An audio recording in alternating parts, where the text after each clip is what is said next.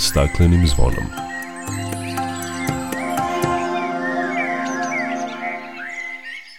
Dobar dan i dobrodošli na Zeleni talas prvog programa radija Radio Televizije Vojvodine. Ja sam Dragana Ratković.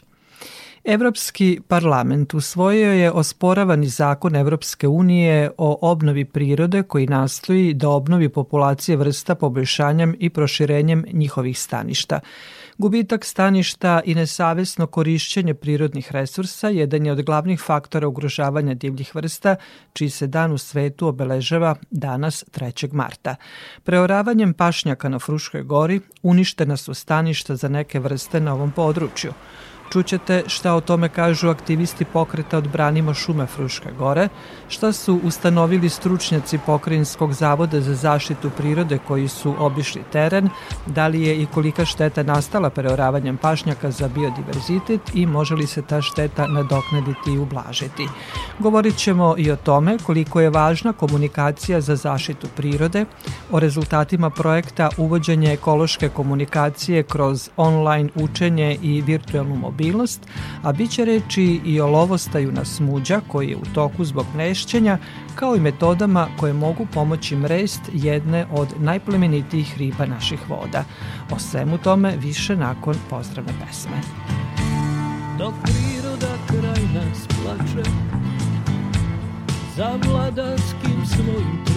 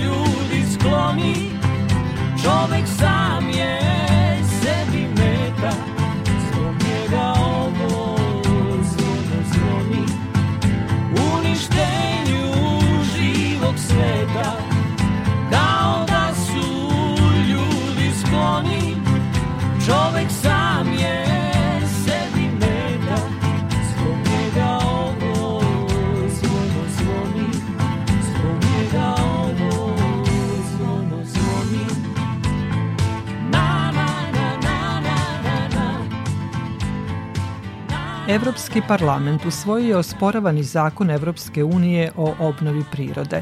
Zbog toga što se nastavlja degradacija evropskih ekosistema, Brisel je 2022. godine predložio sveobuhvatan zakon o njihovom oporavku sa ciljem da se obnovi 20% kopnenih i pomorskih područja Evropske unije.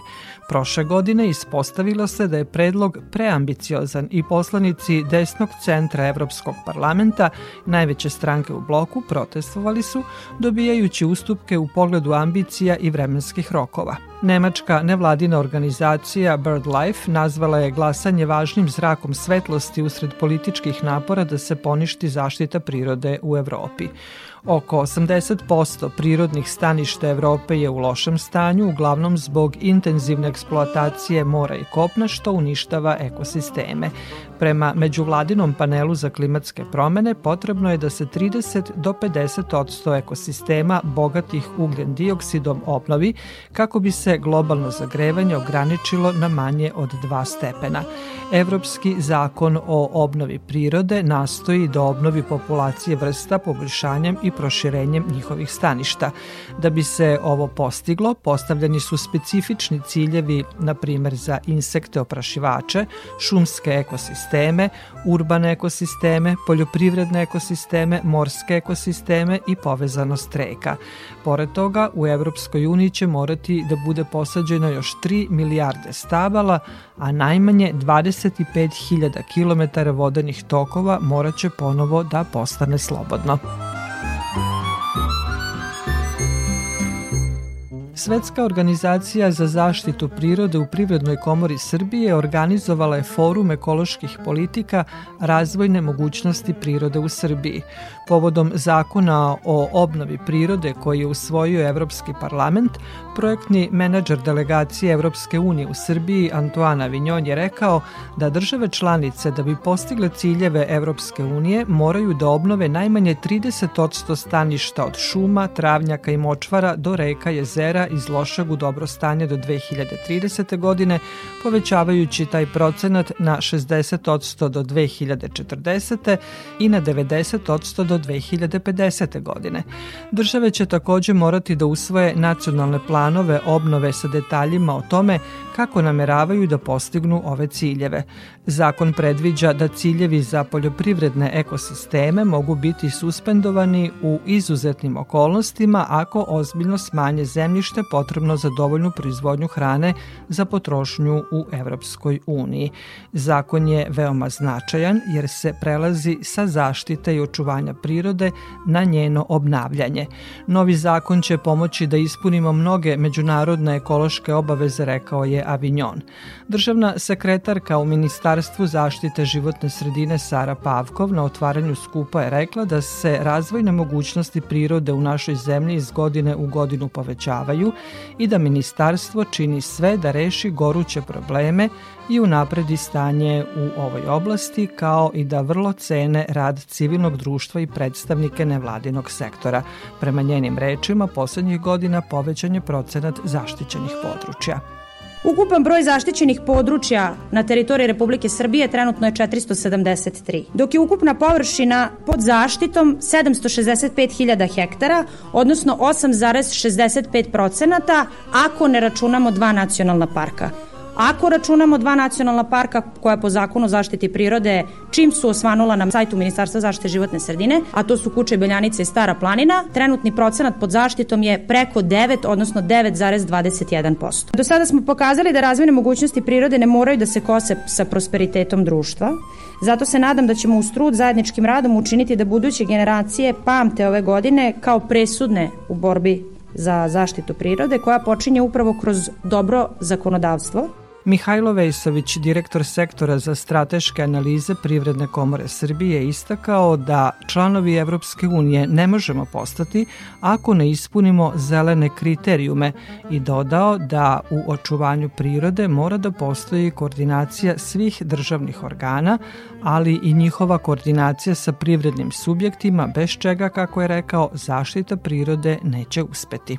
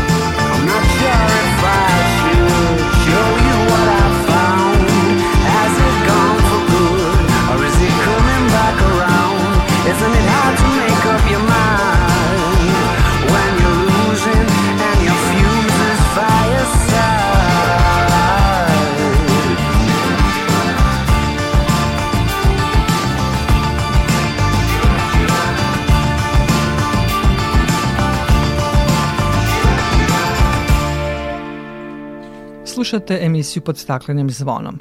Pokret Odbranimo šume Fruške gore nedavno je obavestio javnost o preoravanju oko 30 hektara pašnjaka na Fruškoj gori, od kojih je deo i u nacionalnom parku. Čujemo šta je tim povodom za našu emisiju izjavila aktivistkinja ovog pokreta Dragana Arsić.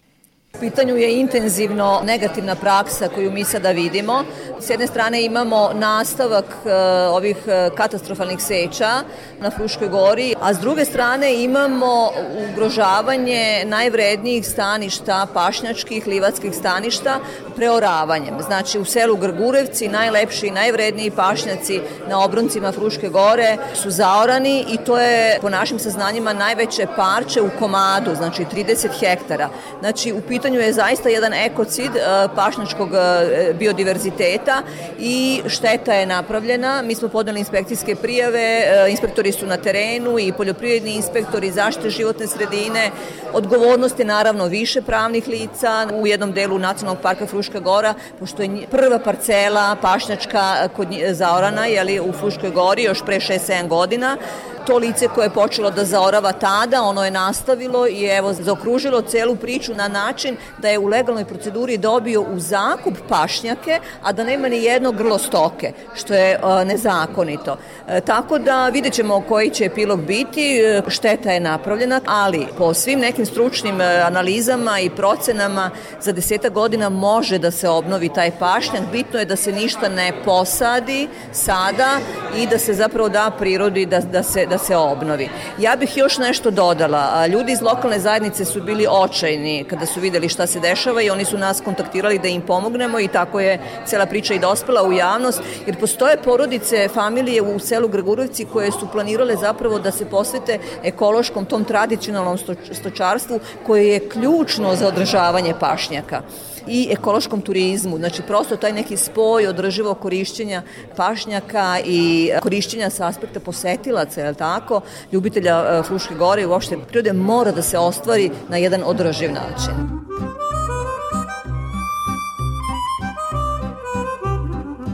Čuli smo da je slučaj preoravanja pašnjaka na Fruškoj gori prijavljen nadležnim organima i inspekcijama, kao i Pokrajinskom zavodu za zaštitu prirode.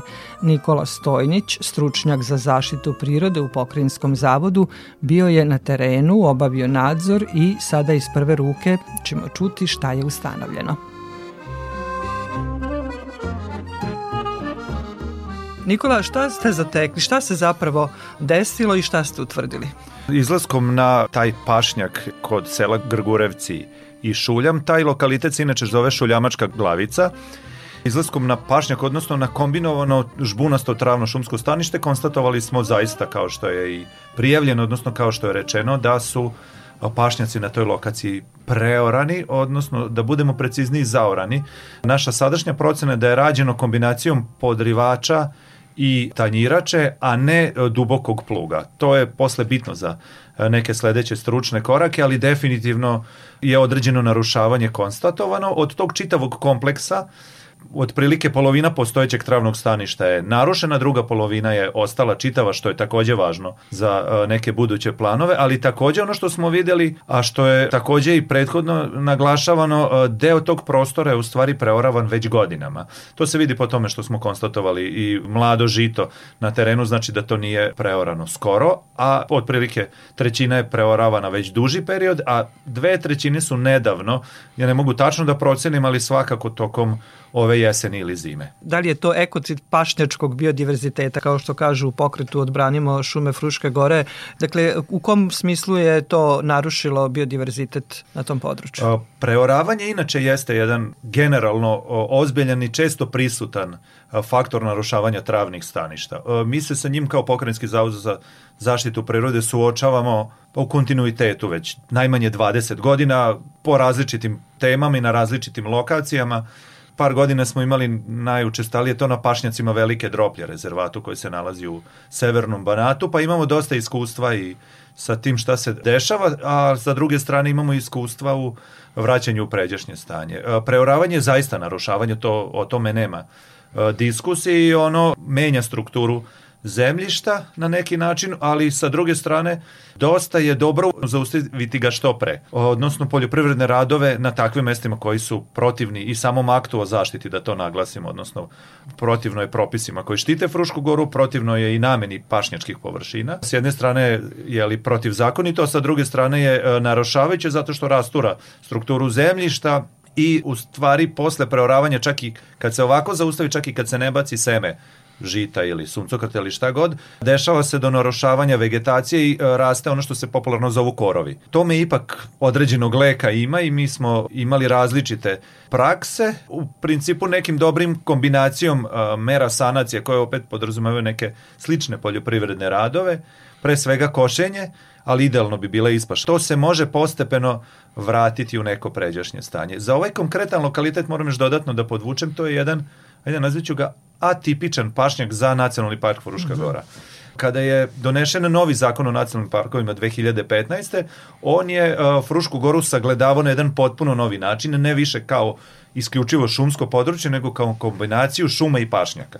Iako je pašnjaka manje na Fruškoj gori, upravo ta kombinacija suvih stepskih pašnjaka i ovih uh, karakterističnih šuma koje mi znamo, to je ono što Frušku goru čini osobenom šumu više ili manje možete naći svugde, ali šumu neposredno uz suvi stepski ili sličan pašnjak, to redko gde više i u Srbiji i u Srednjoj Evropi možete naći i to je, da kažemo, jedna od elementarnih vrednosti. Eto, to je jedna stvar koju želim da istaknem u ovom slučaju. U drugom slučaju, ovo znači nije tipičan pašnjak, nije toliko stepski, on se ipak nalazi na bregu, ali ima opet jednu drugu vrednost koju drugi pašnjaci nemaju. On je fenomenalan prostor za gledati na i za posmatrati sa.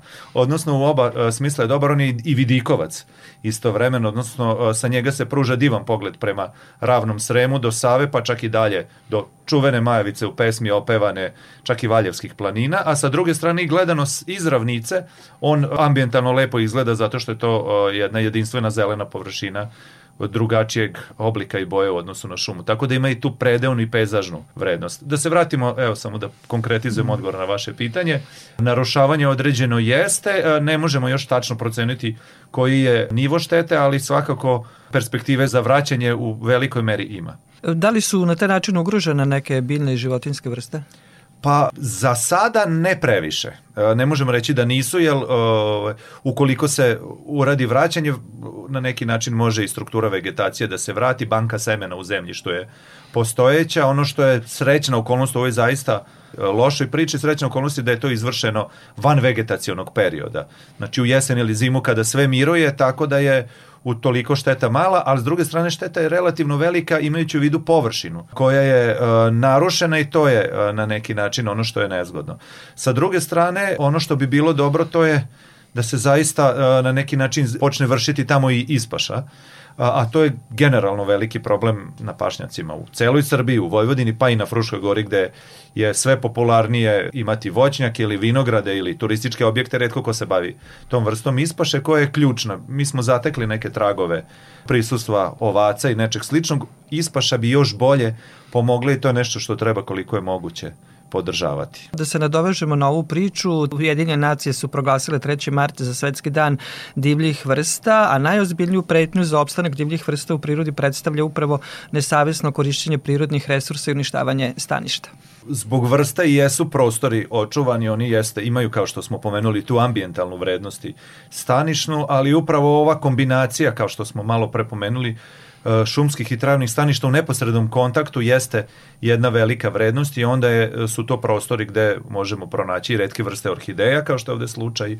na ovom konkretnom prostoru i redke vrste ptica koje žive i gnezde se u šumama, kao što su šumska ševa ili uh, jastreba osičar ili neke druge karakteristične fruškogorske vrste, a koje se hrane na travnim staništima u neposrednoj okolini, takođe i veliki broj vrlo redkih vrsta insekata, tako da je e, zaista to više nego uvezano i to jeste osnovni cilj očuvanja staništa je u stvari, odnosno osnovni uspeh očuvanja staništa je da u njemu postoje vrste i da se njihove populacije povećavaju. Koliko su ugrožena staništa, evo sad pričali smo o Fruškoj gori, ali nekim drugim lokalitetima i koliko je to značajno za opstanak nekih e, zaštićenih i strogo zaštićenih vrsta? Pa to je zaista sad vrlo kompleksno, da ne kažem da po svakoj vrsti bismo mogli e, neku posebnu e, priču reći, ali ono što je za nas bitno, evo baš smo nedavno imali razmenu iskustava sa kolegama iz Slovenije na sličan način, Čuvati vrstu to je jedan, ajde da kažemo, početni koncept u zaštiti prirodi, čuvati stanište je nešto širi,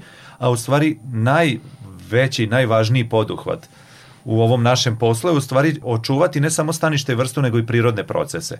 I onda mi zaista imamo dugoročan sistem očuvanja prirode kao celine u kojima ne samo da vrsta postoji, nego i može da obavlja tu, tu svoju funkciju.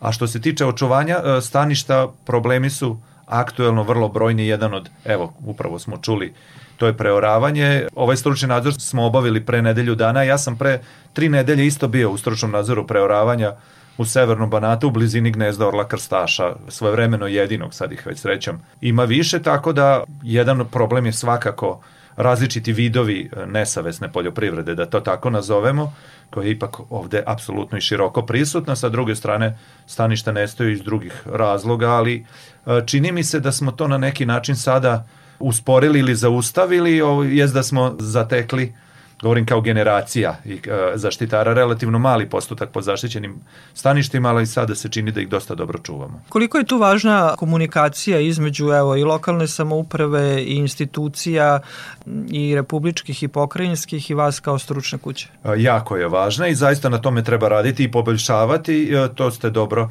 istakli, jer sektori različiti imaju svoje različite ciljeve, sektor poljoprivrede na primer koji smo pomenuli, oni se bave izdavanjem zemljišta u zakup i mi se tu trudimo recimo kao Zavod za zaštitu prirode da ostvarimo dobru komunikaciju sa upravom za poljoprivredno zemljište i da svako izdavanje zemljišta u zakup bude na adekvatan način propraćeno našim dokumentima da bi se na taj način mogla kontrolisati upravo ovakva situacija i da ne bi dolazilo do toga da, da imamo opravo nesavesnu poljoprivredu, kao što smo rekli, ali ta međusektorska povezanost je jako važna i sa energetikom, iz različitih aspekata i sa uh, razvojem infrastrukture, građevinom i tako dalje. Šumarstvom? Šumarstvom, apsolutno. Šumarstvo i vodoprivreda, nije slučajno što ih nisam pomenuo, sa njima smo već, čini mi se, razradili do te mere komunikaciju da ih već podrazumevamo, da smo već sa njima početne nerazumevanja, ako smem tako da kažem, smo već odavno prevazišli i sada je već, to ide mnogo mnogo glatkije i mnogo jednostavnije, tako da je ovaj, to je bilo pre 20 i više godina, ti prvi kontakti su upravo bili sa šumarstvom jer smo bili koncentrisani na isti prostor i kada smo to rešili onda smo prešli na druge sektore, vodoprivreda, poljoprivreda i tako dalje, ali to sve apsolutno napreduje i donosi određene rešenja.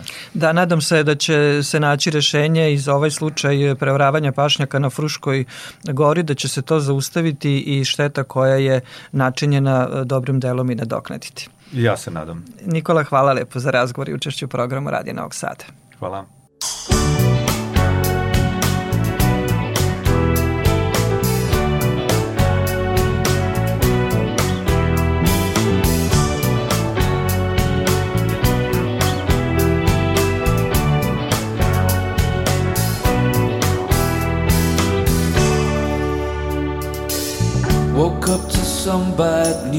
Today. For a while my eyes stayed closed. Didn't want to face what I had to face. Sometimes the truth can cut you just like the cold. And I feel cold. I feel old.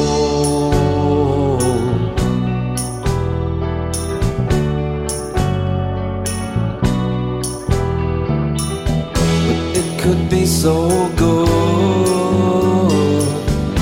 if I only could walk you home tonight.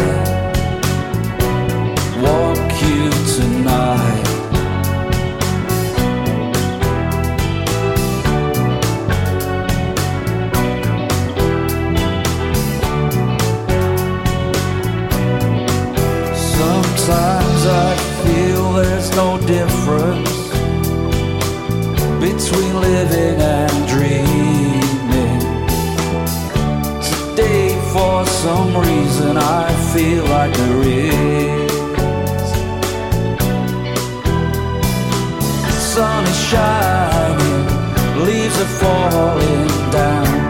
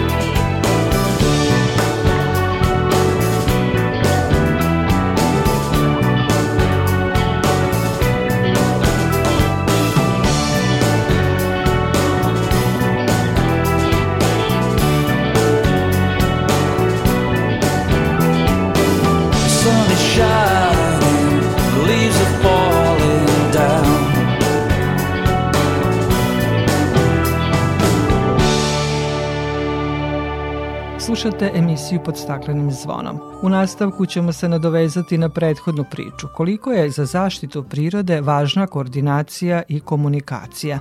Naime, Departman za biologiju i ekologiju Prirodno-matematičkog fakulteta učestvovao je kao partner u Erasmus projektu uvođenje ekološke komunikacije kroz online učenje i virtuelnu mobilnost, čiji su rezultati predstavljeni pre nekoliko dana na okruglom stolu organizovanom na ovom fakultetu. A koliko je važna komunikacija u oblasti zaštite prirode, potvrdio nam je i direktor departmana Gorana Načkov. U današnje vreme i u vreme kada je razvijena informacijona tehnologija izuzetno koja je jedna od osnova razvoja svih tipova nauka pa i ekologije, ova komunikacija koja treba da nam omogući da brže i bolje saznamo šta se sve dešava i da razmenjujemo iskustva je od posebnog značaja. Jedan od oblika komunikacije koja se ostvaruje jeste i putem ovih međunarodnih istraživačkih projekata kao što je ovaj projekat Restore for Life iz Horizon grupe, ali ono što hoću posebno da istaknem jesu iskustva drugih zemalja u zaštiti, iz oblasti zaštite diverziteta i zaštite prirode uopšte. Jedan od veoma važnih momenta koji se trenutno radi u Srbiji jeste izrada strategije zaštite životne sredine, gde je u oblasti zaštite biodiverziteta i zaštite prirode se pokazalo kao jedan od važnih momenata poznavanje iskustva drugih zemalja, naročito u okruženju, u momentima zaštite biodiverziteta, zaštite prirode, legislativama, uspešnosti pojedinih legislativa i zaštite prirodnih objekata kao i pojedinačnih vrsta uopšte. Rezultati takvih dobijenih e, informacija se implementiraju u one stubove koje se sada trenutno rade. Znači, ako mi imamo neko dobro iskustvo u nekom od programa monitoringa i sprovođenja zašte za neku vrstu, trebalo bi da ga vrlo rado to i radimo, ustupimo onima koji ga to možda nemaju.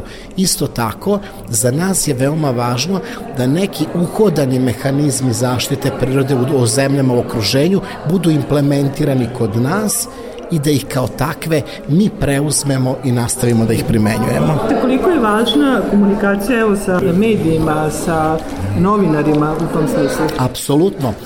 S obzirom da se radi o informacijama koje su opšte društvenog značaja, koji atakuju na više delova populacije stanovništva, mislim pre svega na različitu uzrasnu strukturu, kao i različiti nivo obrazovanja koje pojedine delovi populacije imaju, onda je uloga medija tu ne nezaobilazna, nego ona je imperativna iz prostog razloga što su mediji najbolji mogući prenosnik tačnih informacija ukoliko se nadamo da prenose tačne, a to želimo i znaju da prepoznaju koji deo populacije treba da prihvati baš takvu informaciju.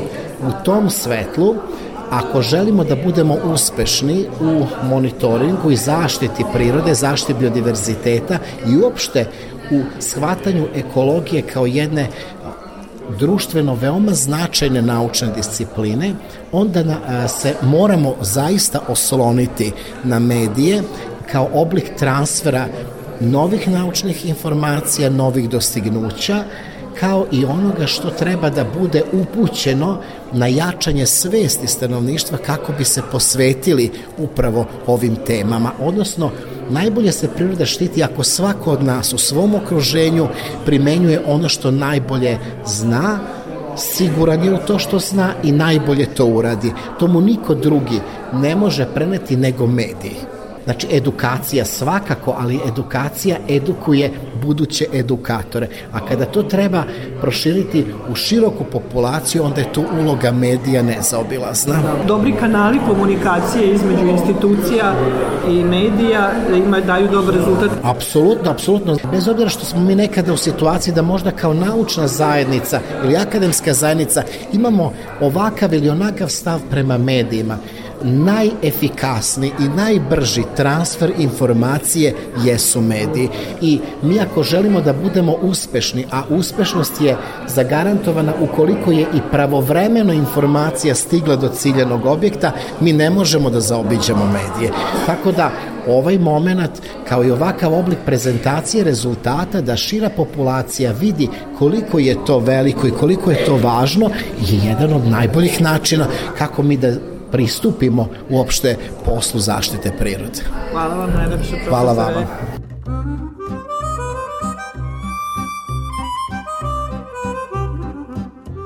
U nastavku govorimo o pomenutom projektu uvođenja ekološke komunikacije kroz online učenje i virtualnu mobilnost koji je realizovao Institut za komunikološke studije iz Severne Makedonije u partnerstvu sa Prirodno-matematičkim fakultetom, Departmanom za biologiju i ekologiju Univerziteta u Novom Sadu i institucijama iz Hrvatske, Bosne i Hercegovine i Albanije. Već smo rekli da su prošle sedmice predstavljeni rezultati tog projekta. Prema rečima koordinatorke projekta ispred Prirodno-matematičkog fakulteta Dušanke Cvijanović, ciljna grupa su bili istraživači, ljudi koji se bave ekologijom i zaštitom životne sredine i novinari sa područja Zapadnog Balkana, a cilj je bio umrežavanje. Cilj ovog projekta je bilo umrežavanje svih ovih stručnjaka i kreacija jednog programa e, koji su mogli da pohađaju znači svi ovi stručnjaci, ali i naši studenti i koji je bio posvećen upravo tome razmeni znanja, iskustava iz oblasti ekologije, ali i novinarstva. Zato što e, se negde e, shvatilo da prosto novinarima nedostaju ta neka bolja znanja iz ekologije da bi mogli da vode određene kampanje, a sa druge strane našim e, studentima, zatim iz oblasti ekologije, stručnjacima iz oblasti zaštite životne sredine, da malo nadograde, prošire ili zapravo steknu novinarske veštine, da ovladaju ovaj, tim različitim medijima, načinima pisanja, e, društvenim mrežama, da prepoznaju određene zamke na društvenim mrežama, da znaju kako da se postave, ali pre svega da a, jasno iskomuniciraju ekološku informaciju. Zato što informacija koja odlazi u medije, ona mora biti ekološki egzaktna tačna. S druge strane, ne sme biti suviše komplikovana, mora biti jasna, dostupna, mora biti merljiva, kvantitativno iskazana na određeni način, zatim mora da bude zanimljivo određenom i ciljnom auditorijumu i naravno nepristrasna, jer to je ispravna komunikacija u zaštiti životne sredine i ekologije. Šta se pokazalo kao najveći problem u komunikaciji u ekologiji oblasti zaštite životne sredine kroz ovaj projekat? Što se tiče ovog dela koji sam ja vodila na projektu, mogu da kažem da je to vrlo loša upotreba stručnih termina iz ekologije i zaštite životne sredine. Dalje, loša postavka kampanja i to u ekološkom smislu, znači način na koji se oni od samog početka formulišu i onda prosto to kad ode u etar vrlo je teško kasnije to ispraviti. Uvek sugerišemo studentima da dobro prouče legislativu, da dobro prouče materiju, da se trude da koriste jasne termine, činjenice, da brataju činjenicama, da budu nepristrasni i to je jedini način da se bilo kakva kampanja, mišljenje sprovede i da dođe do ciljne grupe.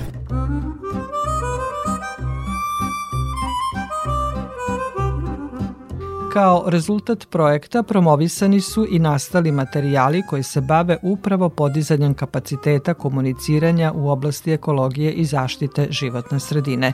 Prema rečima Maje Novković sa Departmana za biologiju i ekologiju, Osnovni rezultat projekta je novi online program koji se sastojao od pet kurseva i finalnog online hakatona kroz koji je prošlo 150 učesnika iz 14 zemalja. No, ideja nije bila da se tu zaustavimo, nego da polaznici imaju održive rezultate u smislu materijala koji su sada dostupni bilo kom stručnjaku, naučniku, novinaru, građanima koji su zainteresovani za oblast ekologije i zaštite životne sredine, dodaje Maja Novković. Tako da smo kroz projekat kreirali platformu na kojoj se trenutno nalaze svi besplatno dostupni materijali. Faktički svako ko poželi može čitav kurs da prođe samostalno, idući od teme do teme, radeći zadatke. U principu svako kroz, u svom vremenu može da odradi sve ono što je kroz program bilo predviđeno, svi materijali su dostupni, čak su i predavanja koja su održavana tokom programa snimljena i prezentacije postavljene na samu platformu. Takođe, tog, ajde da kažemo tako, najozbiljnijeg dela, mi smo napravili jedan vodič za ekološku izvrsnost koji je izašao na nekoliko jezika Zapadnog Balkana, srpskom, bosanskom, hrvatskom, albanskom, makedonskom i na engleskom. Mo može se besplatno preuzeti. To je izdanje od jednog stotinjak stranica kroz koje su postavljani problemski podaci i moguća rešenja, jel, sprem toga, a onda imamo i nekoliko kraćih formi tih, da kažemo, otvorenih materijala kroz seriju kratkih videa koji se fokusiraju na najzanimljivije teme koje smo obrađivali, nekoliko edukativnih igrica i kvizeva kroz koje svi učesnici, svi oni koji žele da saznaju više mogu da testiraju svoj nivo znanja, ali su te edukativne igre dobre zato što na svakom koraku na kom možda napravite pogrešan odgovor vam se usmeravaju i daju vam odgovor zašto ste pogrešili i gde da se više informišete o temi kod koje je došlo do problema. Tako da je to Mogu sad već reći posle ovih dve godine sad kad smo se presabrali pozamašna količina materijala koja ostaje iza programa, a koje faktički svako iz svog doma može da pristupi i da nauči nešto novo, naročito u ovo doba aktivizma koje ovaj, je sada prisutno u čitavom regionu.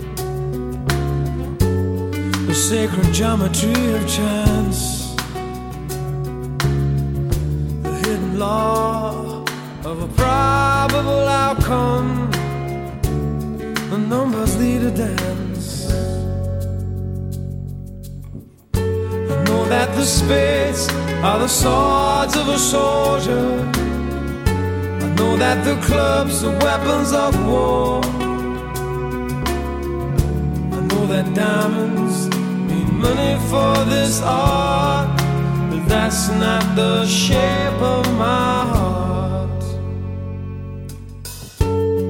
He may play the jack of diamonds, he may lay the queen of spades,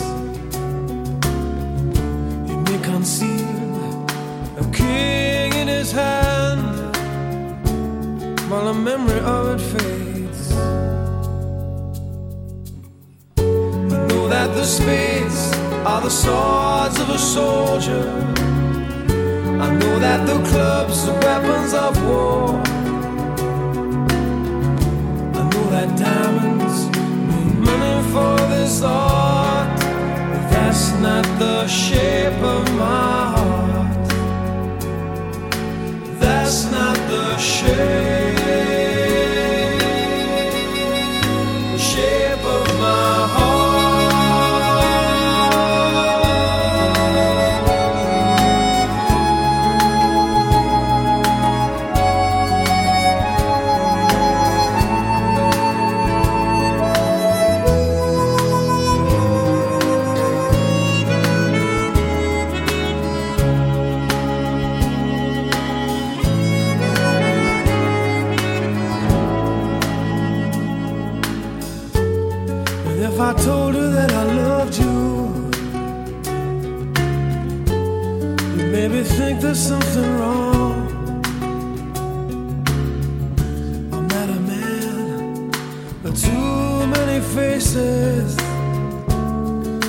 Mask I is one. For those who speak know nothing.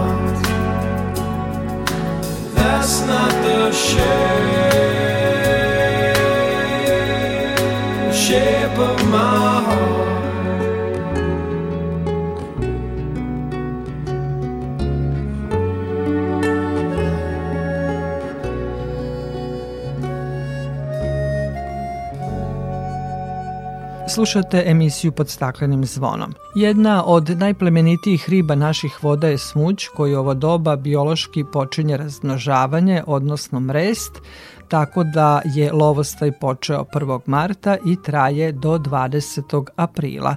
Taj period je vrlo značajan za očuvanje vrste i u to vreme smuđ se ne lovi, ne uznemirava, a mrest se može pomoći i nekim specifičnim metodama. O tome Vlado Matijević. Iz milje ga zovemo staklenooki lovac ili baron. Riba iz porodice grgeča roda Zander, kako ga obično zovu Nemci i Englezi. Italijani ga zovu Lucio Perka, što je deo njegovog latinskog imena delikatesna trpezama pravih ljubitelja ribljih specialiteta i mudra grabljivica sa kojom se nadmudruju smuđeroši ribolovci. Upravo zbog toga ovu plemenitu vrstu trebamo očuvati i pripaziti je u vreme kada se ona mresti i razmnožava. Kraj zime je taj period kad nastupa i lovostaj na smuđe. Tačno vreme teško je odrediti, a ono zavisi od više faktora koji su u stvari biološki pokazatelji koje riba svojim receptorima prepoznaje. To su spoljna temperatura i temperatura vode koja za početak ovog čina mora biti najmanje 8 do 10 stepeni. Polno zrela ženka u proseku snese ili ispusti oko 150 do 200 hiljada jajašaca po kilogramu težine, kaže Ljubomir Pejčić, stručno lice i biolog,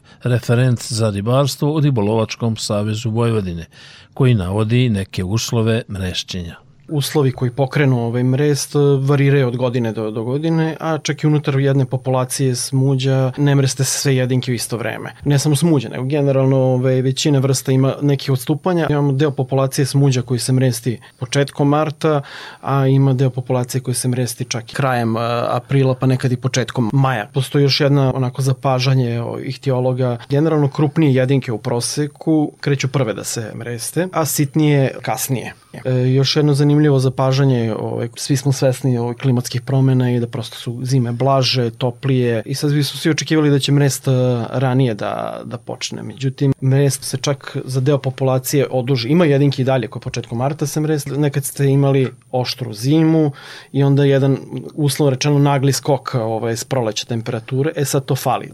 Jedna od najbitnijih stvari na koje moramo paziti u ovom periodu jeste ta da ne uznemiravamo smuđa u vreme razmnožavanja, da ispoštujemo zakonsku obavezu da ga u tom periodu ne lovimo. Postoji više načina kako čovek može pomoći očuvanju vrste, a jedan od tih načina je i obavezno vraćanje slučajno ulovljenih, posebno matičnih primeraka riba, kako ženki, tako i mužjaka. Nažalost, nije redkost da se u periodu lovostaja Sa gnezda podigne i ulovi velika matica sa kojom se ti isti neodgovorni pecaroši fotografišu razvlačeći ih po obali. Time se čini ogromna šteta ribljem fondu kako ove vrste, tako i drugih vrsta riba koje su u mrestu veoma ranjive. Naš sagovornik to pojašnjava apelom. Kao i biolog i kao ribolovac da, da apelujem na kolege koji pecaju smuđa. Svi znamo koliko je smuđa i da je delikates i da mu je visoka cena i da nažalost mnoge kolege rekreativni ribolovci koji ne bi smeli po zakonu da prodaju ovaj, svoj ulov, love smuđa, krše zakon u smislu i veličine i minimalne mere i količine, tako da, da bi prodavali ribu, ali bih apelovao na one koji su ovaj, savesniji, koji poštuju zakon već da vraćaju kapitalne jedinke. Znači smuđaju od 3-4 kg pa na, na gore da, da vraćaju. Evo i zašto? Postoji često zabluda kod ribolovaca da velike jedinke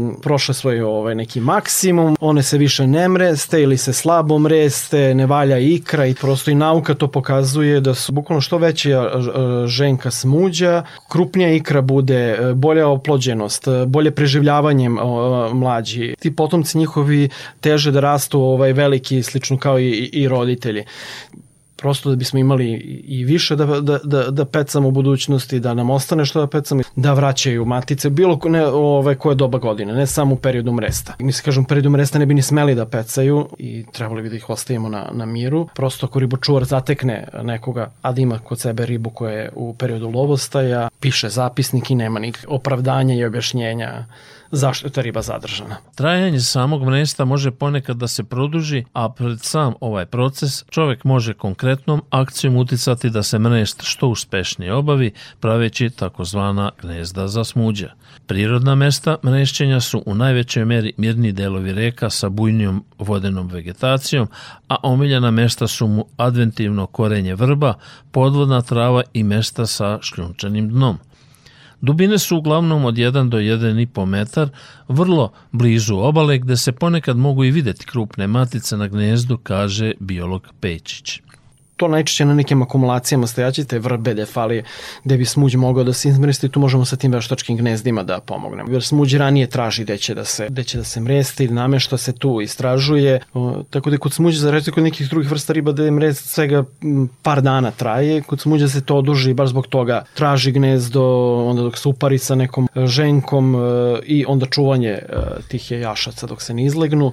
E, kod smuđa taj period je, ovaj, traje nekoliko nedelja. Ta cela igranka razmnožavanja. Konstrukcije veštačkih gnezda se obično prave u ramovima od drveta, površine oko 0,8 kvadrata ispunjeno prirodnim korenom vrbe, ali najčešće morskom travom ili takozvanom žimom iz starog nameštaja – vezano obavezno organskim razgradivim kanapom, a kompletno gnezdo otežano kamenjem. Dobar primer akcije pravljenja gnezda dolazi nam iz Crvenke sa Velikog Bačkog kanala, čiji korisnik su Vojvodina vode.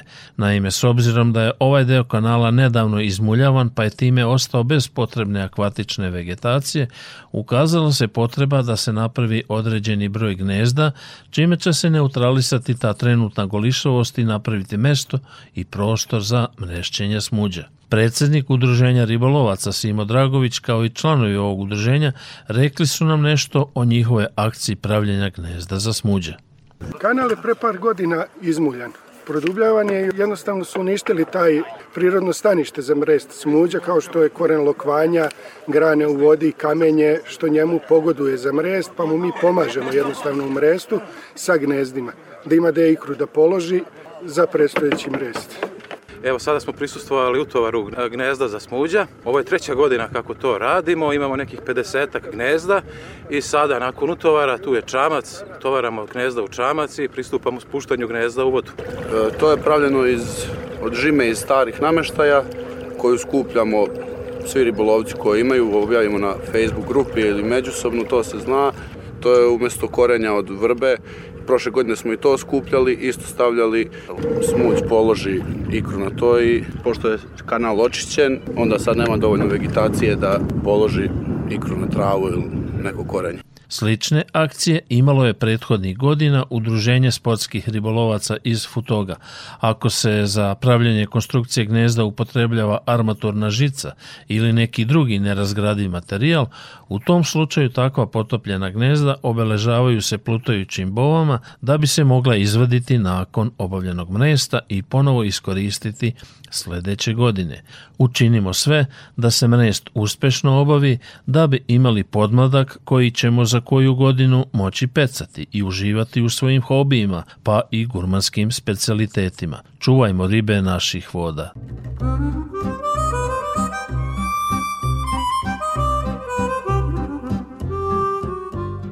Toliko u ovom izdanju emisije pod staklenim zvonom koju možete slušati i odloženo na podcastu Radio Televizije Vojvodine na adresi rtv.rs.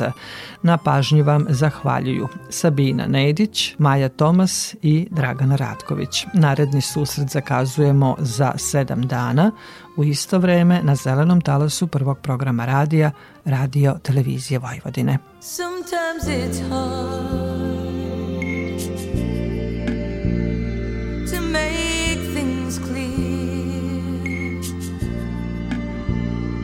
know when to face the truth, and I know that the moment is here.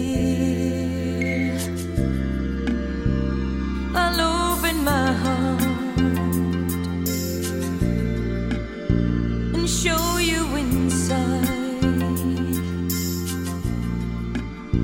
My love has no pride, I I've got nothing to hide. So open your eyes and see who I am, and not who you want for me to be. I am only myself.